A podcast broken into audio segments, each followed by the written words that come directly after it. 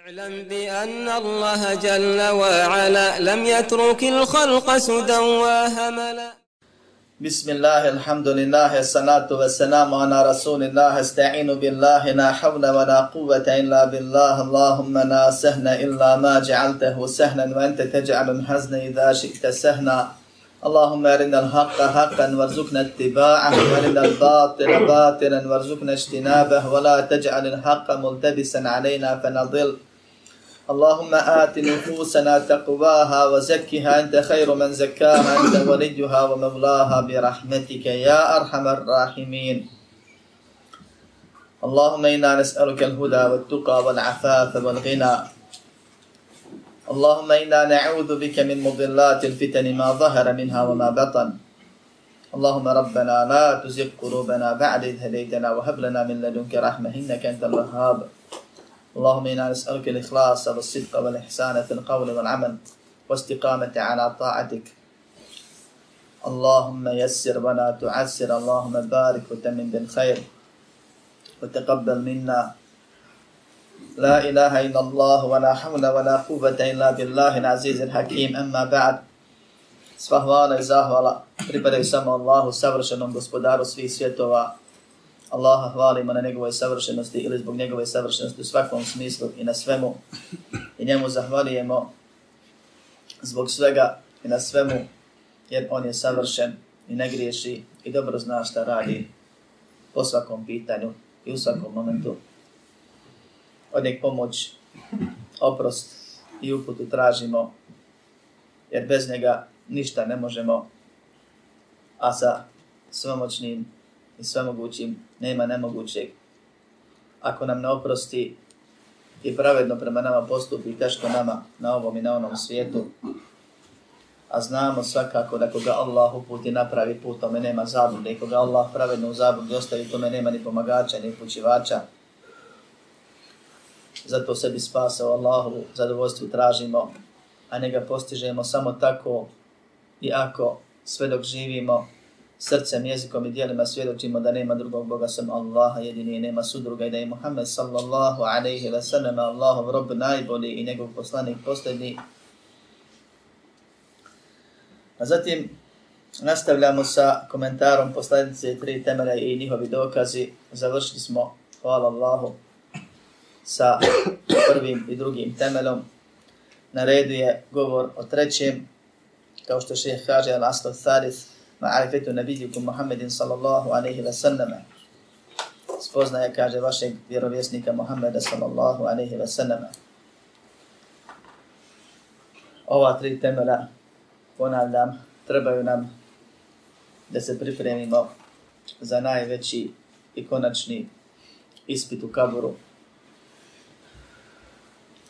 Zamislite kakav je to ispit kad ti je cijeli život da da se pripremiš i u kaboru i na sudnjem danu ko položi, položi. Da odgovorimo na pitanje ko je tvoj gospodar, koja ti je vjera, ko ti je poslanik. A odgovorit nećemo ako nas Allah ne učvrsti.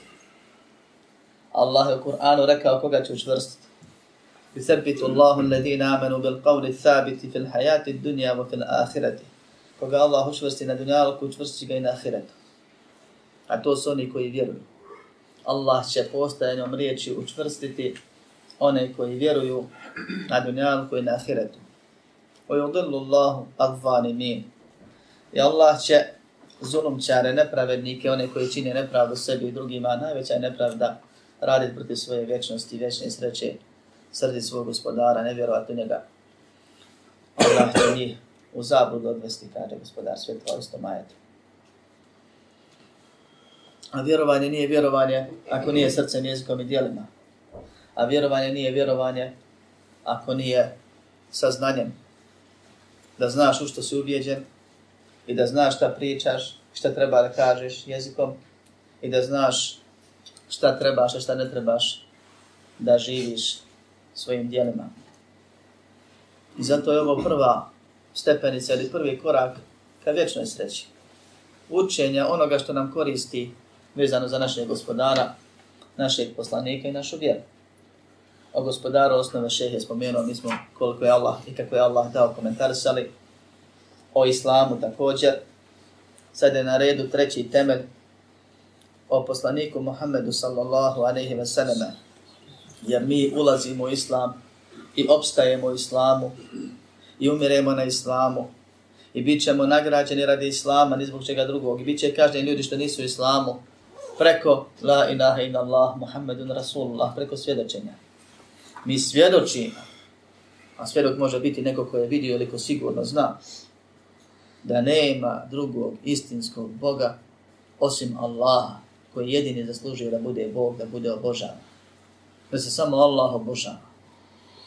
Či znamo i svjedoci smo. I svojim djelima to svjedočimo. I svjedočimo da bismo u džennet ušli. Da je Muhammed sallallahu alaihi wa sallam Allahov rob i njegov poslanik kao što nas se tako podučio. To znači da znamo ko je Allah i ko je Muhammed kojeg je Allah odabrao i poslao. Da znamo šta svjedočimo. Da znamo šta govorimo. Ili ako ne znamo, moramo da naučimo. I zato je obaveza svakom muslimanu da nauči osnovne stvari o svom gospodaru, osnovne stvari o svojoj vjeri, jer poslanik nije poslan da bude poslanik, nego da dostavi poslanicu, koja je vjera islam, i osnovne stvari o tom poslaniku, da ne bi pogriješio. Jer Allah poslanik, alaihi salatu wasalam, kaže u jednom podužnjem hadisu vjerodostojnom, bit će, kaže, u mom umetu će se pojaviti 30 velikih lažova koji će smatrati ili tvrdi da su poslanici. A ovih mali što se svako malo pojavljuju sa sumanutim idejama mesijanskog sindroma. Ima ih koliko hoćete, svako malo ćete vidjeti. Da ih ima. Oni se ne računaju uopšte, jer njih svaki slabo ko uzma za ozbiljno. Zna se gdje im je mjesto. Da nas Allah ne iskuša. Ali bit će ljudi koji će biti uvjedljivi, koji će imati sljedbenike. Njih 30 velikih, poznatih, popularnih u svijetu nakon Muhammeda sallallahu alaihi od Musaileme pa nadalje. I bit će, dakle, mase koje će im vjerovati. Pa da znamo mi kad kažemo da je Muhammed sallallahu alaihi wa sallam Allahov poslanik, da znamo prije svega ko je Allah i da znamo koji je to Muhammed. Od Allah zna koliko Muhammeda na zemlji. Onaj za kojeg mi tvrdimo da je poslanik ko je, šta je, odakle je, kakav je. Šta nam je dokaz da je on poslanik i tako dalje. Pa je šeheh spomenuo ovdje govor o poslaniku Muhammedu s.a.v. Ako dodamo tome jednu stvar. Da nas je Allah subhanahu wa ta'ala stvorio i obavezao da njega volimo ko Boga. Drugačije se ne može pojasniti. Da njega volimo ljubavlju potpunom, ljubavlju veličanja, poniznosti i pokornosti, ljubavlju koje nema slične ni ravne i ne smije biti. Da volimo njega na jednu stranu i sve drugo radi njega. I ime njega. I mrzimo ono što su prostavljene njemu radi njega i ime njega. Da sebe zaboravljamo u odnosu na njega subhanahu wa ta'ala. I to je jasno i to je lako. I ako dodamo tome da je Allah subhanahu wa ta'ala od svih stvorenja odabrao ljude i džine. Od svih ljudi. Odabrao poslanike i vjerovjesnike. Od svih poslanika. Odabrao petoricu. Među njima je petoricom. Odabrao dvojicu. Od te dvojice izabrao jednoga i obavezao tebe i mene i svakog vjernika i vjernicu do sudnjeg dana da ga volimo više nego sebe. Postoji jedan insan kojeg moraš voljeti više nego sebe. I kojeg pravi vjernik prirodno voli, ne mora učiti tu stvar. I pa Allahu poslanik alejhi salatu ve selam kaže: "La yu'minu ahadukum hatta akuna ahabba ilayhi min min mali min walidihi wa waladihi wan nasi ajma'in." Neće niko od vas biti pravi vjernik, potpuni vjernik, dok mu ne budem draži od roditelja i djeteta svih ljudi. A u drugom hadisu kod muslima, Omer radijallahu anhu od silne ljubavi hoće da kaže to poslaniku alaihi salam Pa kaže o Allahu poslaniče, ti si mi draži od svih, osim od mene samog. Pa kaže poslanik sallallahu alaihi sallam, La ja Umar hatta akuna ahabda ilajke min nefsik. Ne o Omare. Nisi postigao kako treba.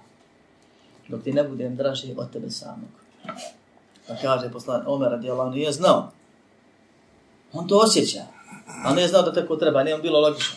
Pa je rekao što je rekao.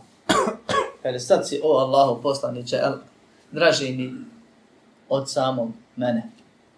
Pa kaže Allahu poslaniće, el ane ja ume, Sad, sad si dostigo što treba o mene. Imamo insana na zemlji koji je živio i neće nikad ponoviti sličan. Samo jedan jedini od svih ljudi i džina, od Adema do sudnjeg dana. Jedan insan nam mora biti draži od nas sami. Pa je logična stvar da tog insana upoznamo što je bolje moguće. I da se na njeg ugledamo što je više moguće. Da znamo o tom insanu puno stvari. I zato su islamski učenjaci od Sarafa na ovamo, ashabi, tabijini, tabi, tabijini, pogotovo ona zlatna generacija koja se neće ponoviti u metu, podučavali svoje potomke, svoje porodice, svoju djecu, ostalo i sami proučavali siru, život poslanika Muhammeda sallallahu alaihi ve sallam. Što uključuje znanje o njemu i znanje o njegovom životu. Kao što su se podučavali surama iz Kur'ana. I neki od njih su govorili da je znanje o siri, znanje dunjaluka i ahireta, da sve obuhvata. I ovo je ders iz akide, pa nećemo se baviti puno detalja, sa puno detalja i sire. Uzet ćemo ono osnovno što je vezano za ispravno šahadeta Muhammedu Rasulullah, za ono što nam treba da odgovore na pitanje. Ali ja ovim želim postaći sebe i vas. I podsjetiti. I motivisati koliko je moguće Allaha radi. Da ne zapostavljamo tu nauku. Da ne zapostavljamo znanje o poslaniku Muhammedu Rasulullah da ne živimo cijeli život i svjedočimo da je Muhammed sallallahu alaihi wa sallam poslanik, a o njemu pojma nema. Ili vrlo malo zna.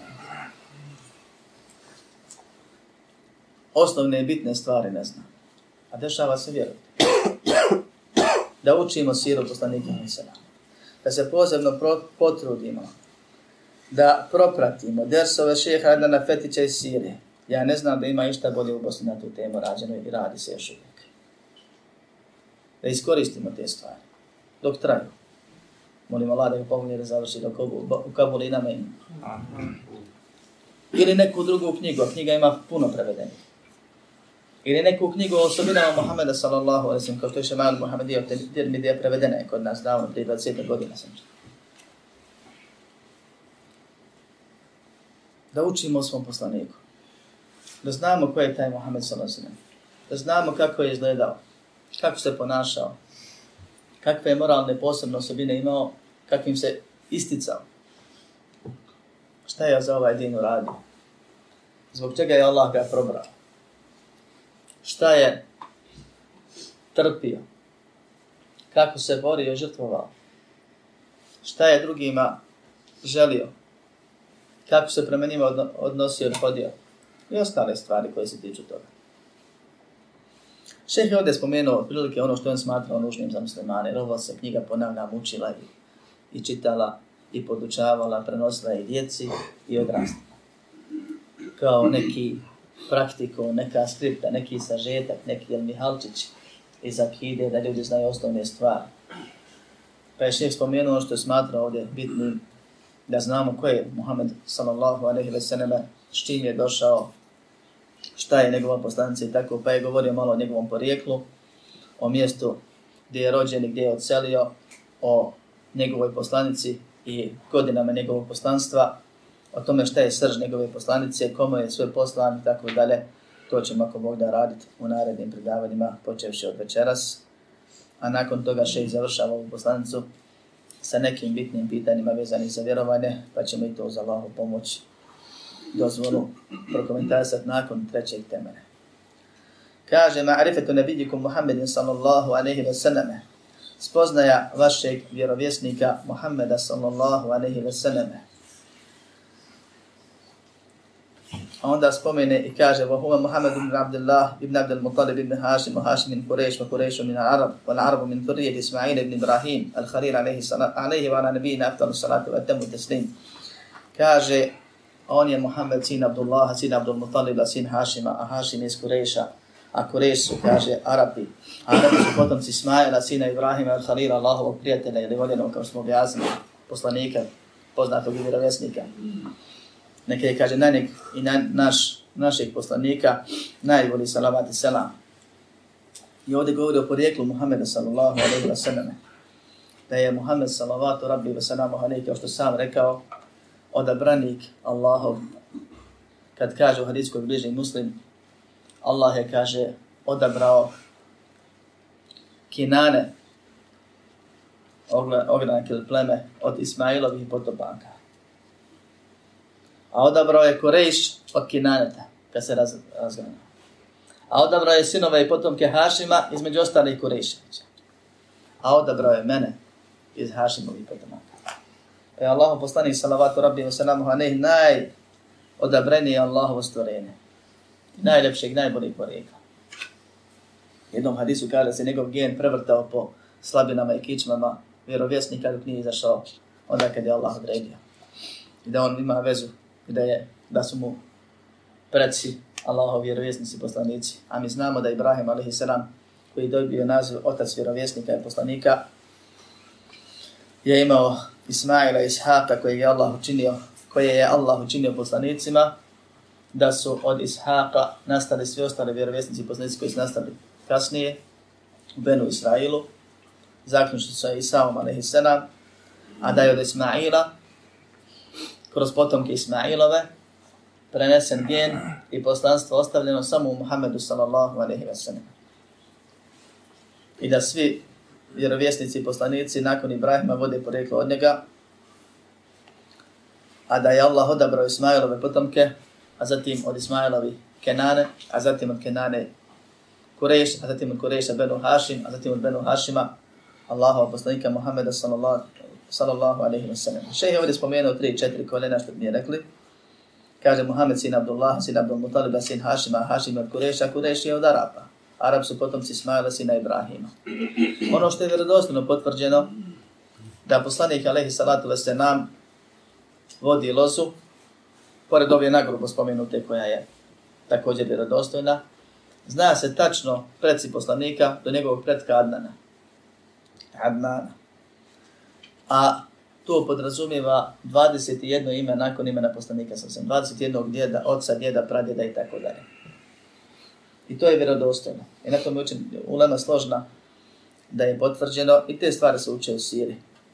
I kad pogledamo životopis tih ljudi koji su bili mušlici, mnogi od njih, bili su posebni u svojim narodima, bez obzira na vjeru. Posebni ljudi, posebno obračintali. I posebno ugledni, ugledni A pogotovo oni koji su bili u vjeri. Pa zašto je Kureš dobio Kureš kad se uči Sirije? Zašto je ovaj dobio taj nadim? Svi su imali na, ima i nadimak. Uvijek po nekim vrhunskim osobinama i nekim posebnim dobrim dijelima koja se tiču dobročinstva prema stvarenjima, prema ljudima. A najveći dobročinitelj je ko? Muhammed sallallahu alaihi Zato što je dostavio ono u čemu je spas i sreća ovog i onog svijeta i borio se da, da to dostavi, da to pokaže, da to primjeni, da u to pozove, da suprotno tome suzbije Ove stvari, ove detalje da naravno učimo i čitamo u knjigama i desovima iz Sire, odnosno životopisa Muhameda sallallahu alaihi ve sallame. Ovo je dovoljno da znamo o, kom, o kojem se to Muhammedu radi, kad mi svjedočimo da je Allah poslanik Muhammed sallallahu alaihi ve sallam poslan od Allaha i posljednji Božji poslanik.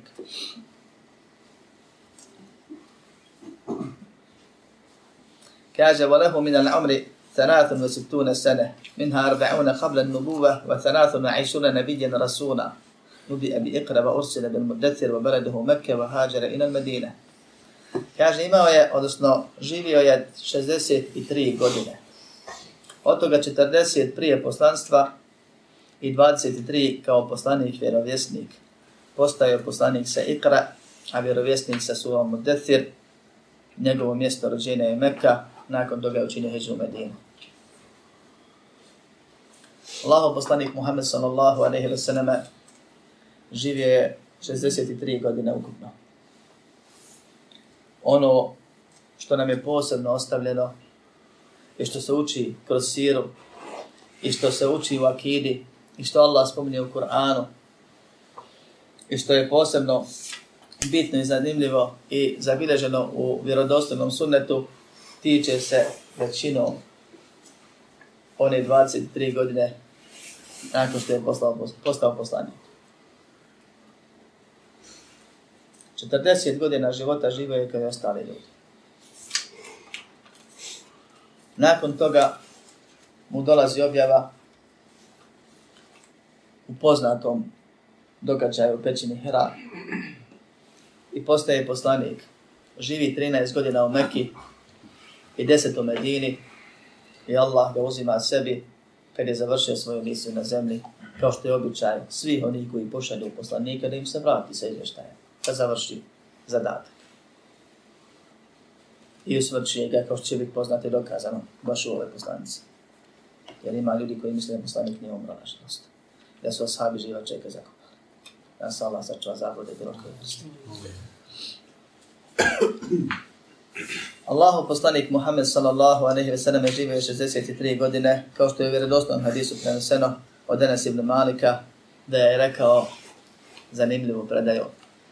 Sluga poslanika alejhi selam ja sam kaže, poslanik alejhi selam je živio 63 godine i poslanik alejhi selam je usmrćen nakon što je imao 63 godine i Ebu Bekr je usmrćen sa 63 godine i Omer je usmrćen sa 63 godine. Allah subhanahu wa ta'ala i njegova najbolja dva druga i najvrednija pratitelja i najbolja ashaba i najkorisnija pomagača počastio time i da je žive koji I Da se spominju zajedno raznim hadisima pa i ovim stvarima koje su stvari kadara, nisu stvari od kojih neko ima koristi. Iz ovoga su neki bili izvukli, što je neispravno, ali je zanimljivo spomenuti, da ko preživi 63 godine i više od toga, da nešto s njim kaže nije u redu, jer da je dobar umro bi kao i poslanika ne se nam. Mi na to ne utičemo. I poslanika ne se nam sam je rekao, najbolji onaj kome Allah produži život da poveća dobro. Što duže živiš, ako ti je dobro, bolje, ako imaš više se lapa od grijeha, to ti je korisnije i bolje. I u tom smislu je bolje ima 100 nego 70. Jer za te 40 godina čovjek ako stari smanjuju se one niske strasti i porivi, i mogućnosti, a poveća mu se priprema za ahiret, pa uglavnom stari ljudi više rade se vapa nego griha ako su upućeni. Tako da nije mahana živjeti više od 63 godine. I nije ispravno govoriti kao što su neki govorili, rahimahumullah, da u meni ima hajra, ne bi ja doživio preko poslaničkih godina. Slušao sam svojim ušima od nekih mojih predaka, da im se Allah smilo i oprosti živio je, kaže, 63 godine, 40 prije poslanstva i 23 kao poslanik vjerovjesnik. 40 godina poslanika Alehi Sanam je bio nakav, kako ga Allah opisuje kad kaže وَوَجَدَكَ ضَالًا فَهَدَا Našao te u dalekoj zabludi, pa te upudio. Ma kunta tedri mal kitabu wala iman Walakin ja'allahu nuran nahdi bihi man nasha'u min ibadina. Nisi kada znao ni šta je kitab, ni šta je iman, ni je knjiga, ni šta je vjera, nego smo mi Kur'an učili svjetlom kojim upućujemo na pravi put, pa si onda bio upućen. Neispravno je vjerovati da je poslanik i prije poslanstva bio vjerovjesnik, kao što ima mišljenje ili stav kod određenih pripadnika, određenih grupacija u islamu. Do te mjere da su neki učenjaci govorili Ulema je složna da prvi 40 godina poslanik nije bio poslanik ni vjerovesnik i nije znao za pravu vjeru. I ko tvrdi da je bio poslanik ili vjerovesnik, on je nevjernik, kaže. Zato što Allah kaže, nisi znao šta je knjiga, ni šta je imam. I Allah kaže, bio si zalutao, pa sam te uputio. I ti opet tvrdiš da nije bio zalutao, nego da je bio vjerovesnik. E to se zove tjerivanje Allaha, Allah, da nas Allah sačuva, osnovna svih kufrova. I zato treba znati i prihvatiti neke stvari bez problema. da Allahov poslanik Muhammed sallallahu alaihi wa sallam prije Islama nije bio u detalje upoznat sa pravom vjerom Islamom. A je li bio nevjernik? Ispravno je da nije. I opisuje se Allahom poslanik sallallahu alaihi wa sallam da nikad nije činio širk. Kao što nije činio ni javne, velike, ni razvratne grehe. Da nikad nije doticao kipa ni radi bereketa, ni mali širk nije činio. I to je do onog poslaničkog esmeta, ona nepogrešivost poslanika podrazumijeva da ne prije islama ni to nakon objave nisu radili nevjerstvo, nisu bili mušlici, nisu bili razvratnici, nisu bili veliki griješnici i tako dalje. Poslanik Alehi Sanam je bio na fitri i to je ispravno. Na uređenoj sklonosti ka pravom putu. Bio je na onome na čemu se njegov narod pripisivao, to je Isla, Is, Ibrahimova vjera. Oni su tvrdili da su Ibrahimove vjeri. S tim da je većina bila skrenula totalno u širk. Prvo su počeli s navotarijama, kasnije su izašli iz vjere. Ibrahimovi. To je Islama. Po šarijetu Ibrahima alaihi. Ali je bilo pojedinaca, među njima i Muhammed sallallahu koji nije izašao iz vjere te. Koji nije činio širk. Nije znao detalje. Jer svakom poslaniku vjerovjesniku, kao što smo govorili, naređen namaz, pol, zekat, hađ. Nije znao sve te stvari. I nije primjenjivao sve te stvari, nije imao ko da ih poduči. Ali je znao da je Bog jedan Bog. I da se samo njemu treba moliti. I prenosi se od poslanika Alehi Saram da je išao na hađ, Kao što je njegov narod išao na hađ. Ali da nije radio neke novotarija, kamoli širkove i kuhove koje je njegov narod radio. Pa kad su mušnici sebi zabranili da idu na refat, zato što to je van haraba, nego kureš. On je išao na refat. Jer je hađa refat. Još prije islama. I taj hađ kojeg je činio Allahu je činio. Nije činio nekim kipovima. Dakle, bio je musliman fitrom, ali ne musliman šerijatom. I nije bio nevjernik. I nije bio nemusliman. I nije bio... I to je ujedno ist, ovaj, vjera njegovog naroda. Oni su se pripisivali tome da su na Ibrahimovo vjere. Ali većina njih nije bila. Kao što imamo danas situaciju, se mnogi pripisuju muslimanima islamu, a nisu muslimani. Rade dijela koje ih izvodi iz islama ili ne rade dijela koja ih čini muslimanima. Poput namaze ili neki drugi stvari. Pa kad među njima dođe musliman koji zna vjeru i kaže ja sam musliman, to ne znači sad da je on ko oni. Nego da se pozivaju na istu stvar, neko s pravom, neko bez prava. Poslanik Alehi Salatu Veselam nije bio nevjernik i nije znao za pravu objavu, istinu šarijat i nije znao za pravu vjeru, kao što Allah uzvišeni kaže. I to je ono kad, kad mu Allah kaže, to znači bio si u zabludi pa te uputio. Zabluda je, braćo moja, neznanje onome što trebaš i moraš. Svako neznanje je zabluda. Jer ako ne znaš pogod nećeš, primijeniti nećeš. 40 godina nije znao šta je to pravi put, ali znao da ima i tražio da je. I pored hađa se prenosi da je poslanik Alihi Sanam dobio i da je poslanik Alihi Sanam o Allahu razmišljao i neposredno pred objavu ga Allah pripremao pa ga je nadahnuo da ima želju da traži. Nije bio zadovoljan s onim što jeste pa se prenosi u hadijskoj bliži imam Buhari u svom sahihu o početku objave, da je prije objave Allah uzvišeni ga pripremao tako što mu je davao istinite snove, da nešto vidi, pa se baš tako u istini jasno, onako kako je vidio. A zatim mu je Allah umilio osamljivanje s njim, pa je išao da se osamljuje, pa je išao čak u pećinu, pa je gore provodio dane, pa je silazio kod svoje supruge provodio dane i usput se obskrbio, pa onu obskrbu koju pripremi nosio ponovno u pećinu Razmišljao o Allahu subhanahu wa ta'ala i tima Allahe i bariti između ostalom pored ova. Spominjaju Allah da on znaju mi. A nije spominjao niko sam Allah subhanahu wa ta'ala, nego narod bio ogrezao u širku.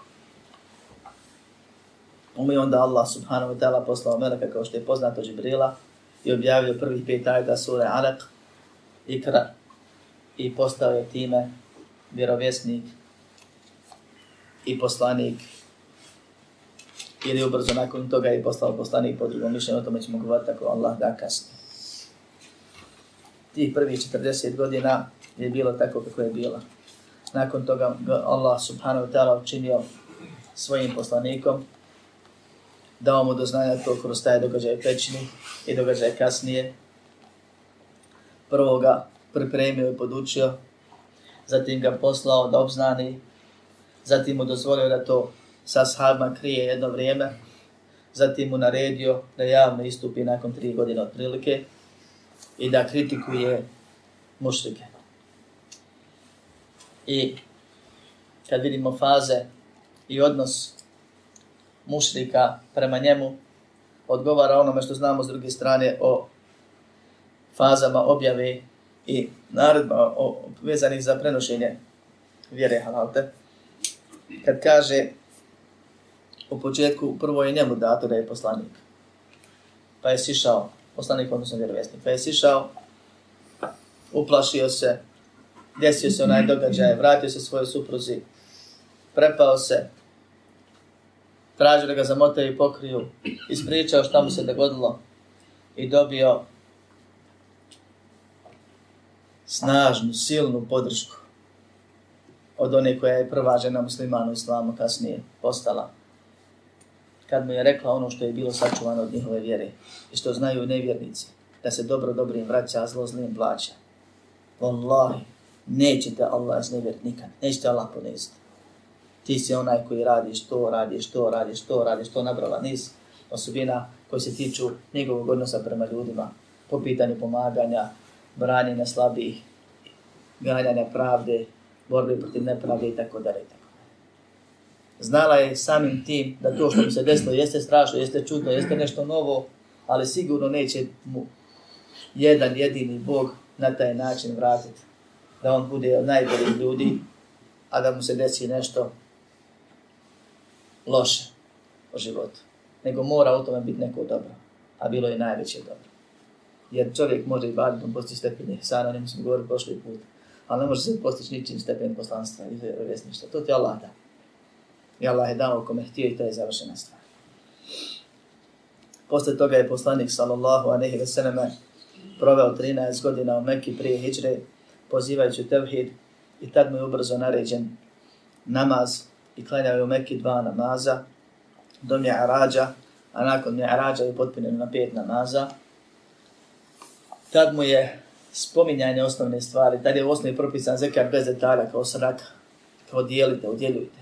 Imaju hadisi mekanski, ajte mekanski u kojima se naređuje zekat, a kasnije je pojašnjeno. 13 godina je Allahu poslanik sallallahu alejhi ve selleme prenosio Allahu objavu, pa možemo slobodno reći Allah uzvišeni. Poslanika je sahabe odgajao na vjeri, na akiri, na tevhidu. I osnovne propise, jer namaz je tevhid, ako nema namaza, nema vjeri. I namaz je odmah bio objavljen. Samo se forma, detalje mijenjao. Ubrzo je bio objavljen. I u Mekke su muslimani klanjali. A nakon 13 godina sve ono što znamo u islamu, stotine, hiljade, sve u roku 10 godina objavio.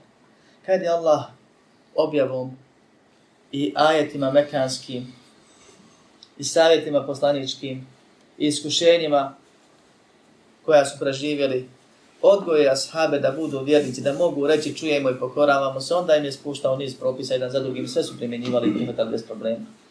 Isti je slučaj s nama. I zato vidimo, kao što se dečava skoro svaki dan, pogotovo na ovim društvenim mrežama koje otkrivaju pokriveno, da osobe koje ne uče akidu i koje se šprdaju s onima koji uče akidu, valaju kufrove na dnevnom nivou. Nakon se pripisivali sunetu, makar bile pokrivene žene i tako dalje posebno. Pa vidjet ćemo da kad im ne godi neki propis, gledaju ko je taj što to priča i čime se bavi i kod kog uči, pa mu zakače to da uči akidu, da mu desovi za akide prevladavaju, pa se onda počnu sa Allahovim propisima da šprdaju, a to je po koncenzusu islamskih učenjaka svim mesidima na čelu sa hanefijskim nevjerstvom koje odmah izgledali iz vjere. Nije opravdanje neznanje o tome.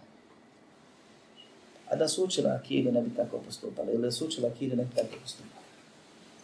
A sadima bilo pretješko neke stvari ostaviti u početku. I Allah im nije te stvari zabranio odmah. Nego ih odgojio da mu vjeruju, da mu se pokoravaju, da se za njega žrtvuju. I nakon toga je propis za propisom spušta, oni su ga prihvatali i radili. Čujemo i pokoravamo se. I nisu imali problema s tim. I nije bilo ni smiješno ni čudno. I blago onome ko većinu svog života provede učeći, podučavajući proučavajući akidu. Vjerovanje. Jer kome ispravno vjerovanje, bit ćemo ispravno vjerovanje ponašanje. Ne oboratno, nikad. da nas Allah pomogne, sačuva, učvrsti i usmrti na onome što je najbolje i najkoristije za nas i ostali. 13 godina je podučavao Kidu, 10 godina je podučavao Fikure, se tako i poslanika, poslanik, ali sad to se nam za 23 godine prenio i praktično primijenio i branio i odbranio Islam kao vjeru i ostavio se generaciju koja je primjerna i uzorak pravih muslimana i prave muslimanske zajednice do sudnjeg dana, da se može ugledati svaki musliman i muslimanka koji dođe nakon njih na njih. Kaže, pošto ćemo se ponovno vraćati kasnije kroz rečenice koje će ispomenuo narednim drsova na neke bitne stvari iz ovo, ovih perioda, kaže, nubi abi ikra wa ursila bil mudathir. Postao je vjerovjesnik sa riječima ikra, a poslanik sa riječima mudathir. Šejh je ovu podjelu ovako napravio na osnovu def, njegove definicije ili razlike između definicije vjerovjesnika i definicije poslanika.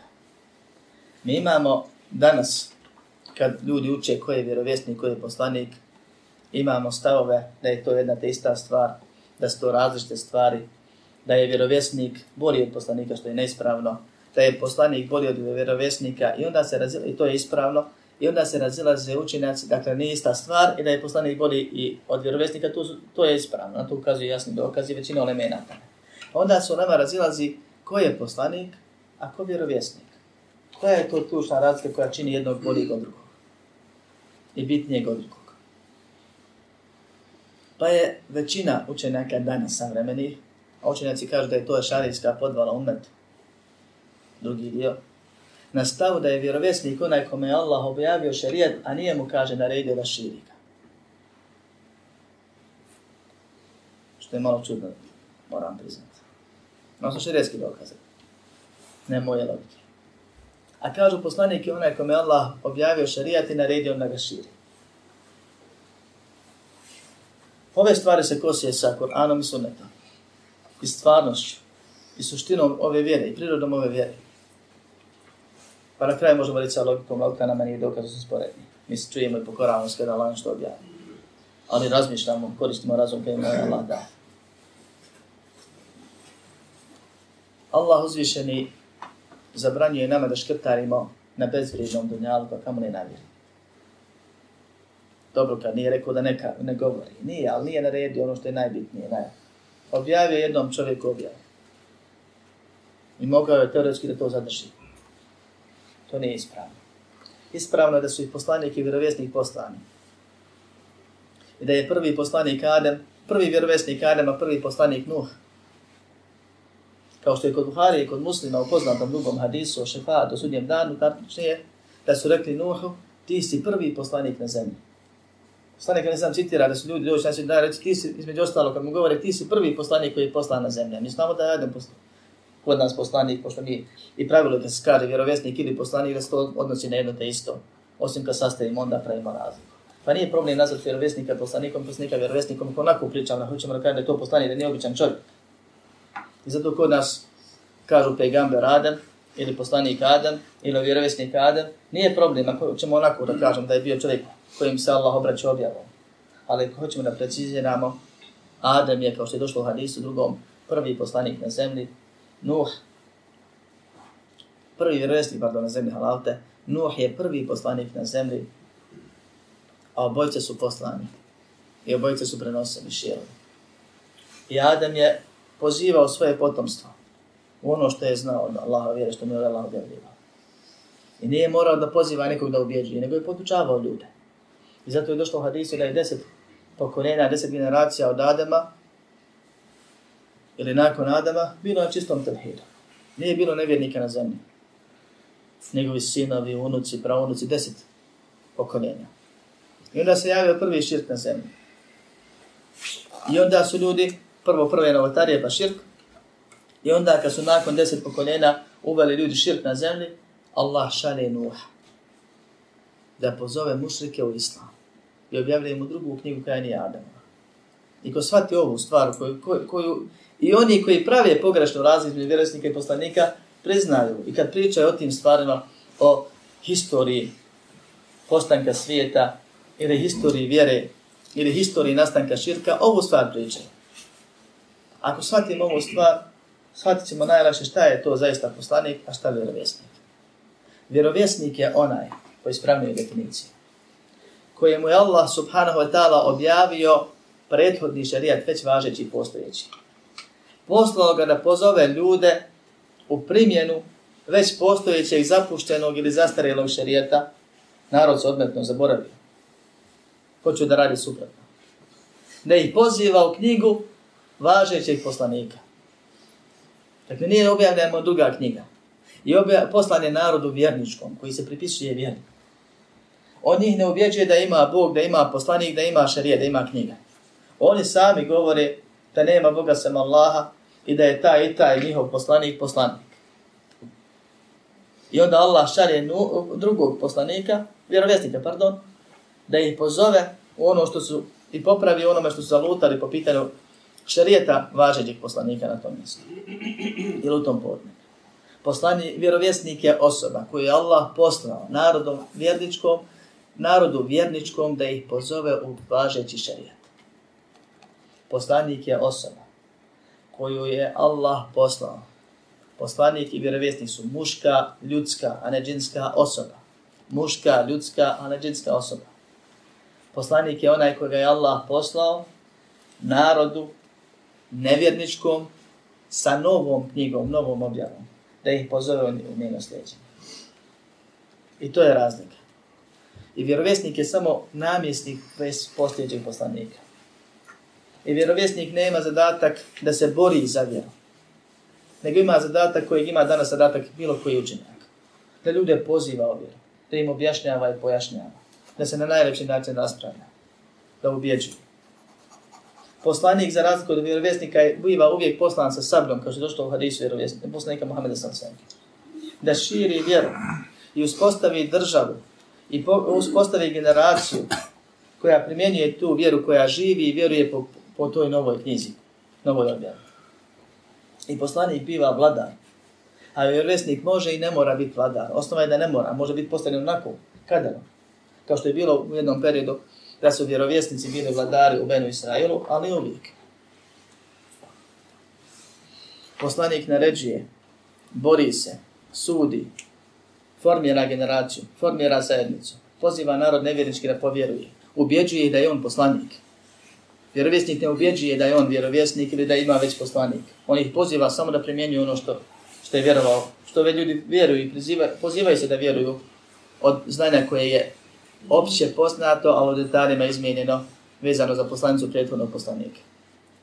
Pa je poslanik osoba koja je poslana narodu nevjeričkom sa novom objavom da ih pozove.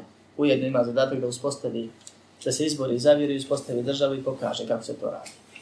Vjerovjesnik je muška ljudska osoba koja je poslana narodnom vjerničkom zalutalom da ih pozove u primjenu onoga na čemu je bio prethodni poslanik i on pozivao prethodni šerijat. I zato je nakon Musa a.s. bilo desetine, ako ne i više vjerovjesnika u Benu Israilu, koji se pozivali da primjenjuju, da vjeruju u te vrat. Od onoga što su oni izmijenili, zaboravili i tako dalje. Pa šeh ovdje kaže, postao je vjerovjesnik sa ikra, zato što mu u ikra, bismi rabbike ledi halak, halak al insane min alak, onih pet ajeta nije naređeno da poziva druge, nego da uči, da zna, da čita, da, i ono što je poznato u tih pet ajeta. Pa kaže, tada je postao vjerovjesnik, a kad mu je rečeno, ja juhal muddesir kum fa o pokriveni, ustani opomini, tada kaže, postao poslanik, tada mu je naređeno. Jer šeh je po definiciji vjerovao da je poslanik onaj kome je naređen, da je to jedina razlika. Nije. Postoji niz razlika koje sam pojasnio. Nadam se da je jasno, ponavljam ćemo opet kasnije za Allahovu pomoć jer sam se ja malo zapetljio, pa sam moguće i vas bunio. Pojenta je u tome znači da je Allah uzvišeni kao što kaže sura Hajj وَمَا أَرْسَلْنَا مِنْ قَبْلِكَ مِنْ رَسُولٍ وَلَا نَبِيٍّ Nismo, kaže, prije tebe poslali ni poslanika, ni vjerovjesnika. Poslali. Dakle, to je dokaz iz Kur'ana i vjerovjesnik poslan kao što je poslanik poslan. I da vjerovjesnik nema pravo da sakrije ništa od vjere, nego ono što mu Allah objavi i zbog čega mu pošalje meleka da ga poduči, treba da prenosi svom narodu, s tim da je vjerovjesnik poslan već vjernicima koji se prepisuju nekom šarijetu da popravi ono što su oni izmijenili i zaboravili a vezano je za tu prethodnu objavu, a poslanik je poslan narodnom nevjerničkom i Muhammed a.s. je bio i vjerovjesnik i poslanik. Što? Zato što je svaki poslanik vjerovjesnik, a nije svaki vjerovjesnik poslanik. I pozivao je sve ljude i sve džine do sudnjeg dana da povjeruju u Kur'an kao poslanicu i njega kao poslanika i Allaha subhanahu wa ta'ala gospodara savršenog koji jedini smije mora da bude obožavan koji je njega odabrao i poslanicu mu objavio. Njegovo je, kaže, mjesto boravišta Meka, a zatim učinio Hidžnu Medinu nakon 13 godina, a o Hidži će biti govora posebna dersa ko Allah da, jer ovdje slijedi tema kasnije. Onda šeh prelazi na to s čim je Allah poslao poslanika, šta je srž poslanice Muhameda sallallahu alaihi wa sallam.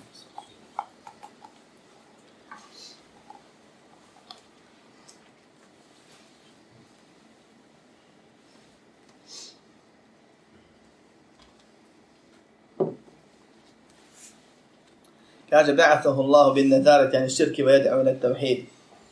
Wa dalil qawluhu ta'ala, ja ayuha al-muddathir. Allah ga je poslao da upozori na širk i da zove u tevhid. I ovo je glavna stvar. I ovo je srž vjere Islama. I najbitnije znanje i najbitnija priča je govor. Da se poziva u tevhid i onoga bez čega tevhida nema, to je sunnet. I da se upozorava na širk koji ruši tevhid. I da se upozorava na novotariju koja ruši sunnet. I dokaz za to je La ilaha illa Allah Muhammedun Rasul. Svi su složni da je to temelj vjere Islama. I da se čitav Kur'an i sunnet naslanjaju i tumače La ilaha illa Allah Muhammedun Rasulullah. La ilaha illa Allah i tevhid, suprotan širku, Muhammedun Rasulullah i sunnet, suprotan novotariji. Sva vjera se vrti oko ovoga. I osnovni princip vjerovanja sahaba, tabijina, selefa, i onih koji se na njih pozivaju do sudnjeg dana, za koje Allah suri teube kaže da je svima njima zadovoljan, je borba za tevhid i sunnet i borba protiv širka i bidata, novotanje. I nema ništa bitnije za učiti, naučiti, i nema ništa bitnije za podučavati, proučavati i širiti, pozivati od ovih stvari. Jer ovo je temelj svih temelja. I srž poslanice Muhammeda sallallahu alaihi sallam je bio ovu i na, zato ima puno dokaza. Šeh je spomenuo početak suda mu Tethir i prokomentarisao ga ovdje. Mi ćemo to ukratko ako Bog da završiti sad i s tim ćemo završiti ovaj uvodni dio, a kasnije ćemo ako Bog da ako bude bilo potrebno vratiti se na ovo pa nastaviti dalje. Kaže Allah subhanahu wa ta'ala, Ja juha muddathir kum fa anzir wa rabbeke fa kebir wa thijabike fa tahir wa russe fahđe wa la temum te stektir wa li rabbike faspir. Tu je šest stavka nakon se namajete. O ti pokriveni, ustani i opomeni i gospodara svog veličaj i odjeću svoje očisti i kumira se kloni i ne pregovara je smatrajući da je puno i radi svoga gospodara izdrži osabore. Šeh ovdje tumači i kaže značenje kum fe anzir ustani i opomeni, znači yunziru ani širki wa yad'u ila tevhidi. Znači da opomeni o širka pozivajući u tevhid. Šta je dokaz? Je li ovo tumačenje na vlačenje? Ili zaista u skladu sa suštinom? Šta je Muhammed Ali Sram radio tih dana kad me je ovo objavljeno? Šta je radio Mekke? Šta je prenosio ashabima? Šta je govorio mušicima? Zbog čega su ga vrijeđali? Zato što je pozivao tebi da se jedan Bog obožava i da se odreći ne svega drugog. Zato što je upozoravao na obožavanje bilo koga sem njega. I to je poznato iz sire. I tu nema razilaženja da je to zaista bila suština. I da je to bila glavna preokupacija Muhammeda sallallahu alaihi sallam u Mekke. Nakon što mi ovo objavlja. Kaže, u rabbeke gospodara svog veličaja. Kaže, azimhu bit tevhid, veličaj ga tevhidom je tevhid vjerovanje da je Allah subhanahu wa ta'ala jedini savršen, time si ga veličao svakog, u odnosu na svakog koji je manjkav. I da je Allah jedini gospodar, što podrazumije da on jedini određenje sudbinu, i stvara, i posjeduje, i upravlja, i nagrađuje, odnosno kažnjava. I time se ga uzdigao od svakog stvorenja koji se počinjava ovome. nad kim Allah gospodar. I Allah je potpuni gospodar, a mi smo samo potpuno, potpuno ovisni o njemu, ništa više. Pa se ne može Allah subhanahu wa ta'ala ničim veličati kod tevhidom i ne možeš Allaha veličati ako ga ne veličaš tevhidom. Riječi ne pali. Ako srce Allaha ne veliča, iako ga tvojim, svojim riječima i dijelima ne veličaš onako kako on poredao i tra, traži. Vrednije je ono što je Allah učinio vrijednim. Pa onda ono nakon toga i ono nakon toga. Kada ti jabeke fatlahe, odjeću očisti. Kaže šeh, očisti svoja djela od širka. Kažu, sunetlija, nema tevila, nema tumačenja, ne mora se Kur'an doslovno, bukvalno shvatati, a vidi ovdje šta im ka, kažu njihovi učenjaci. Allah kaže odjeću, a on kaže dijela očiste od širka. Učenjaci fikha kad govore o obavezni tahare, tako citiraju ovaj ajet. Prije govora o abdestu, gusulu i ostalim stvarima, kaže obavezna je čistoća, pa kažu dokaz je to što je Allah u Kur'anu rekao, to ti jabeke fatahir, između ostalog spominje, pored hadisa, direktnih na tu temu. Očisti svoju odjeću. Šejh ovdje tumači i kaže, očisti dijela od širka. Da li je ovo tumačenje ili je ovo prepravljanje? Da, da li je zaista ovo Allah ciljao kad je ajet objavio? Ili je ciljao da se čisti čovjek gusulom i abdestom i onako kako je propisano šarijetu od vrsta čišćenja? Da li smo mi u pravu kad kažemo da se Kur'an mora doslovno shvatiti bez prepravljanja ili pa kršimo sve pravilo? Da imamo vremena, pitao bih vas da čujem mišljenja i razilaženja, ali moram objasniti odmah. Na osnovu poznatog primjera kojim smo govorili. Pravilo je da se Kur'an shvata doslovno. I tu nema, nije bilo razleženo u prvim generacijama. A doslovno ne znači uvijek bukvalno, samo jedno značenje. Nego doslovno znači u skladu sa onim što je u arapskom jeziku i onim što se koristi u narodu se shvata.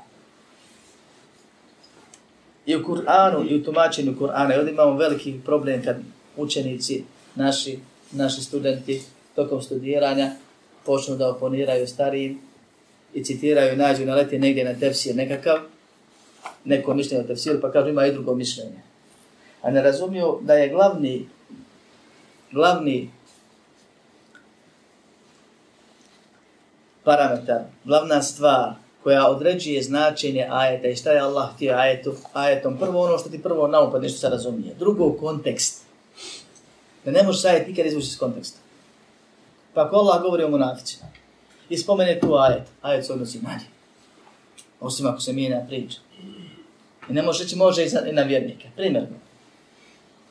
Treća stvar. Stanje onoga kome je ajet objavljen onda kad je objavljen. U momentu kad je Allah objavio ajet nije bilo namaza, nije bilo abdesta, nije bilo gusula, kasnije je došlo. Šta je Muhammed a.s. Radio tada? I u što je pozivao sahabe nakon ovih ajeta? Tevhid i da se očiste od širka.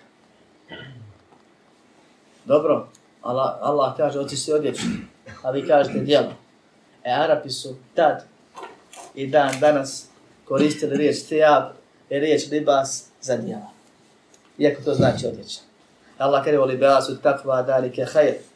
Odjeća bogobojaznosti je najbolj. Da se odjegneš, odjeneš ti bogobojaznošću. Ne misli se da odjeću bogobojazno odjeća propisani hijab, džilbab, što neki citiraju. Nego da ti se okitiš bogobojaznošću. Jer insan se odjeva da bi se okitio, da bi se ukrasio. Džaba ti lijepa odjeća koji srce pokvaran čisto. E, loše. Neispravno. Ako hoćeš da se ukrasiš, fino ukrasi se onim što je najbolje. Pa Allah naziva bogobojaznost odjećom taj. A to su djela. Arapi su imali reći, običaj kad je neko ima dobra djela ili čisto srce, lijepa mu odjeća. I zato imaju dokaz iz arapskih pjesama i izreka. E, arapski su govorili kad je neko lošeg ponašanja ili lošeg srca, zavidan, pokvaren, tamo ili na onaj način, da mu je ružna odjeća. Time su htjeli poručiti da se lijepo oblačiš kad se ružno ponašaš. Kad loše radiš. I zato. I kad je ajet objavljivan, odjeća znači odjeća i odjeća se koristila za djelo. I Allah zato spominje ajet koji znači dvojako da se može koristiti u akidi i u fiku. Jer Allah znao da će kasnije objaviti namaz, post, zekat, hađ, da će nam trebati čistoća tjelesna, ali da tjelesna ne koristi ako nema srčane. I onaj ko živi na širku, džaba mu abdesti i džaba mu namaz. I džaba se kupa za svaki namaz, iako to nije propisano. Ako nije srce okupo terhira. I zato ovaj ajet ovdje se prije svega odnosi na ono što su prokomentarisali ashabi, tabitini, tabitabina, rekavši da se ovdje Allah poručuje da se srce očisti od širka, da se duša očisti od grijeha, a može se koristiti za to da se tijelo očisti od prljavštine ili da se izvrši šarijaska čistoća prije propisanog ibadeta. I ovo nije šeh prepravio u svom životu prije 200 godina kad je živio, nego je ovo prokomentarisao neko od ashaba i neko od tabina, ako što imate u knjigama tefsira, možete naći. I nakon njih prenosilo se s generacije na generaciju i prenosi se do sudnjeg dana. Da odjeću svoje očisti, znači očisti srce od tevhida, očisti dušu od grijeha, očisti se od neispravnog vjerovanja, pa tek onda radi ono što je, zašto je došlo hadis da je čistoća pola vjere, a to je tjelesna čistoća. Var ruđze fahđur, kloni se, učini hijđru od kumira, od kipova, bježi od njih, ostavi ih. Kaže šeh, ostane kipova, znači napuštanje njihovo, odricanje od njih i onih koji u njih vjeruju. I to je ono što smo govorili o odricanju prilikom la ilaha in Allah. Allah naređuje poslaniku alaihi salam ubrzo nakon što mi objavio ikra, on naređuje mu da pozove ljude tako što će veličati Allaha subhanahu wa ta'ala u njegovom savršenstvu, u njegovom gospodarstvu, u njegovom pravu na ibadet, veličati Allaha po pitanju šarijeta, i po pitanju sudbine. Neće Allah ništa, ničemu prigovarati, i pozivati veličati ono što je Allah objavio ili Allah odredio. Smatrajući tim ispravnim, jer Allah zna, to ispravnim jer Allah zna šta radi i Allah ne greši. A onda mu naređuje da se očisti od širka, jer džaba sipanje uprljavo, samo se isprlja još više, prvo se mora očistiti isprazniti, da bi se nasilo ispravim kao smo govorili, a zatim mu naređuje da se opet potvrđuje ovu stvar, da se kloni, da napusti, da se odrekne kipova i onih koji ih obožavaju. I to je poslanik Alehi Sanam primjenjivao i pozivao u to ljude, kao što kaže šeheh, ehada ala hada ašere sinin jed'u ila tevhid, deset godina je samo o ovome pričao uz namaz koji je primjenjivao jutrom i večer, da kome je propisano, وبعد العشر عرج به إلى السماء وفرضت عليه السنوات الخمس وصلى في مكة ثلاث سنين nakon kaže deset godina uzdignut je na nebesa ili na nebo propisano mu je pet dnevni namaza i klanao je još tri godine u Meki, to je pet dnevni namaza, a nakon toga je naređeno mu da učini hijđru u Medinu. Pa posle toga što je govorio o hijđri. Mi ćemo ako Bog da sljedeći del držati u Isirini Arađu, a nakon toga da su hijđri i uzet ćemo poruke i poruke povezati s ovim stanjem da nam bude jasno. Učenjaci su složni kad govori da je poslanik Alehi Selam pozivao 13 godina u Mekiju Tevhid. A već vidimo da je poslanik Alehi Selam pozivao u potvrđivanje božanstvenosti samo Allahu kao savršenom gospodaru, odricanje, odricanje od oni koji obožavaju i onoga što obožavaju, oni koji obožavaju nekoga pored Allaha, klanjanje namaza onako kako je propisano prvo dva, a zatim pet namaza. I sve je ovo tevhidu Allaha subhanahu wa ta'ala. S tim da je Allah nakon deset godina pozvao svog poslanika, alihi salatu wa sallam, i doveo ga blizu sebi fizički na sedmo nebo i objavio mu najbitnije stvari, pa je šteta da se to preleti onako, nego ćemo uzeti tako Bog da poseban vers za tu stvar, da izvučemo pouke i poruke iz toga sa akidetskog imanskog aspekta. Molim Allah da nas pomogne u kaboli nam to i ovo što čujemo, što znamo, da nas uputi napravi put ličnosti na njemu, da nas sačuva svakog vida zablude i onoga što ne vodi, da nas pomogne da Allaha radi sve dok živimo, sebi i drugima, najbolje dobro činimo, a kad preselimo na smrtne muke budu zadnji bol koji osjetimo, da u džennetu vječno uživamo, a da svake patnje budemo sačuvani. Amin. Walhamdulillahi rabbil alamin. اعلم بأن الله جل وعلا لم يترك الخلق سدى وهملا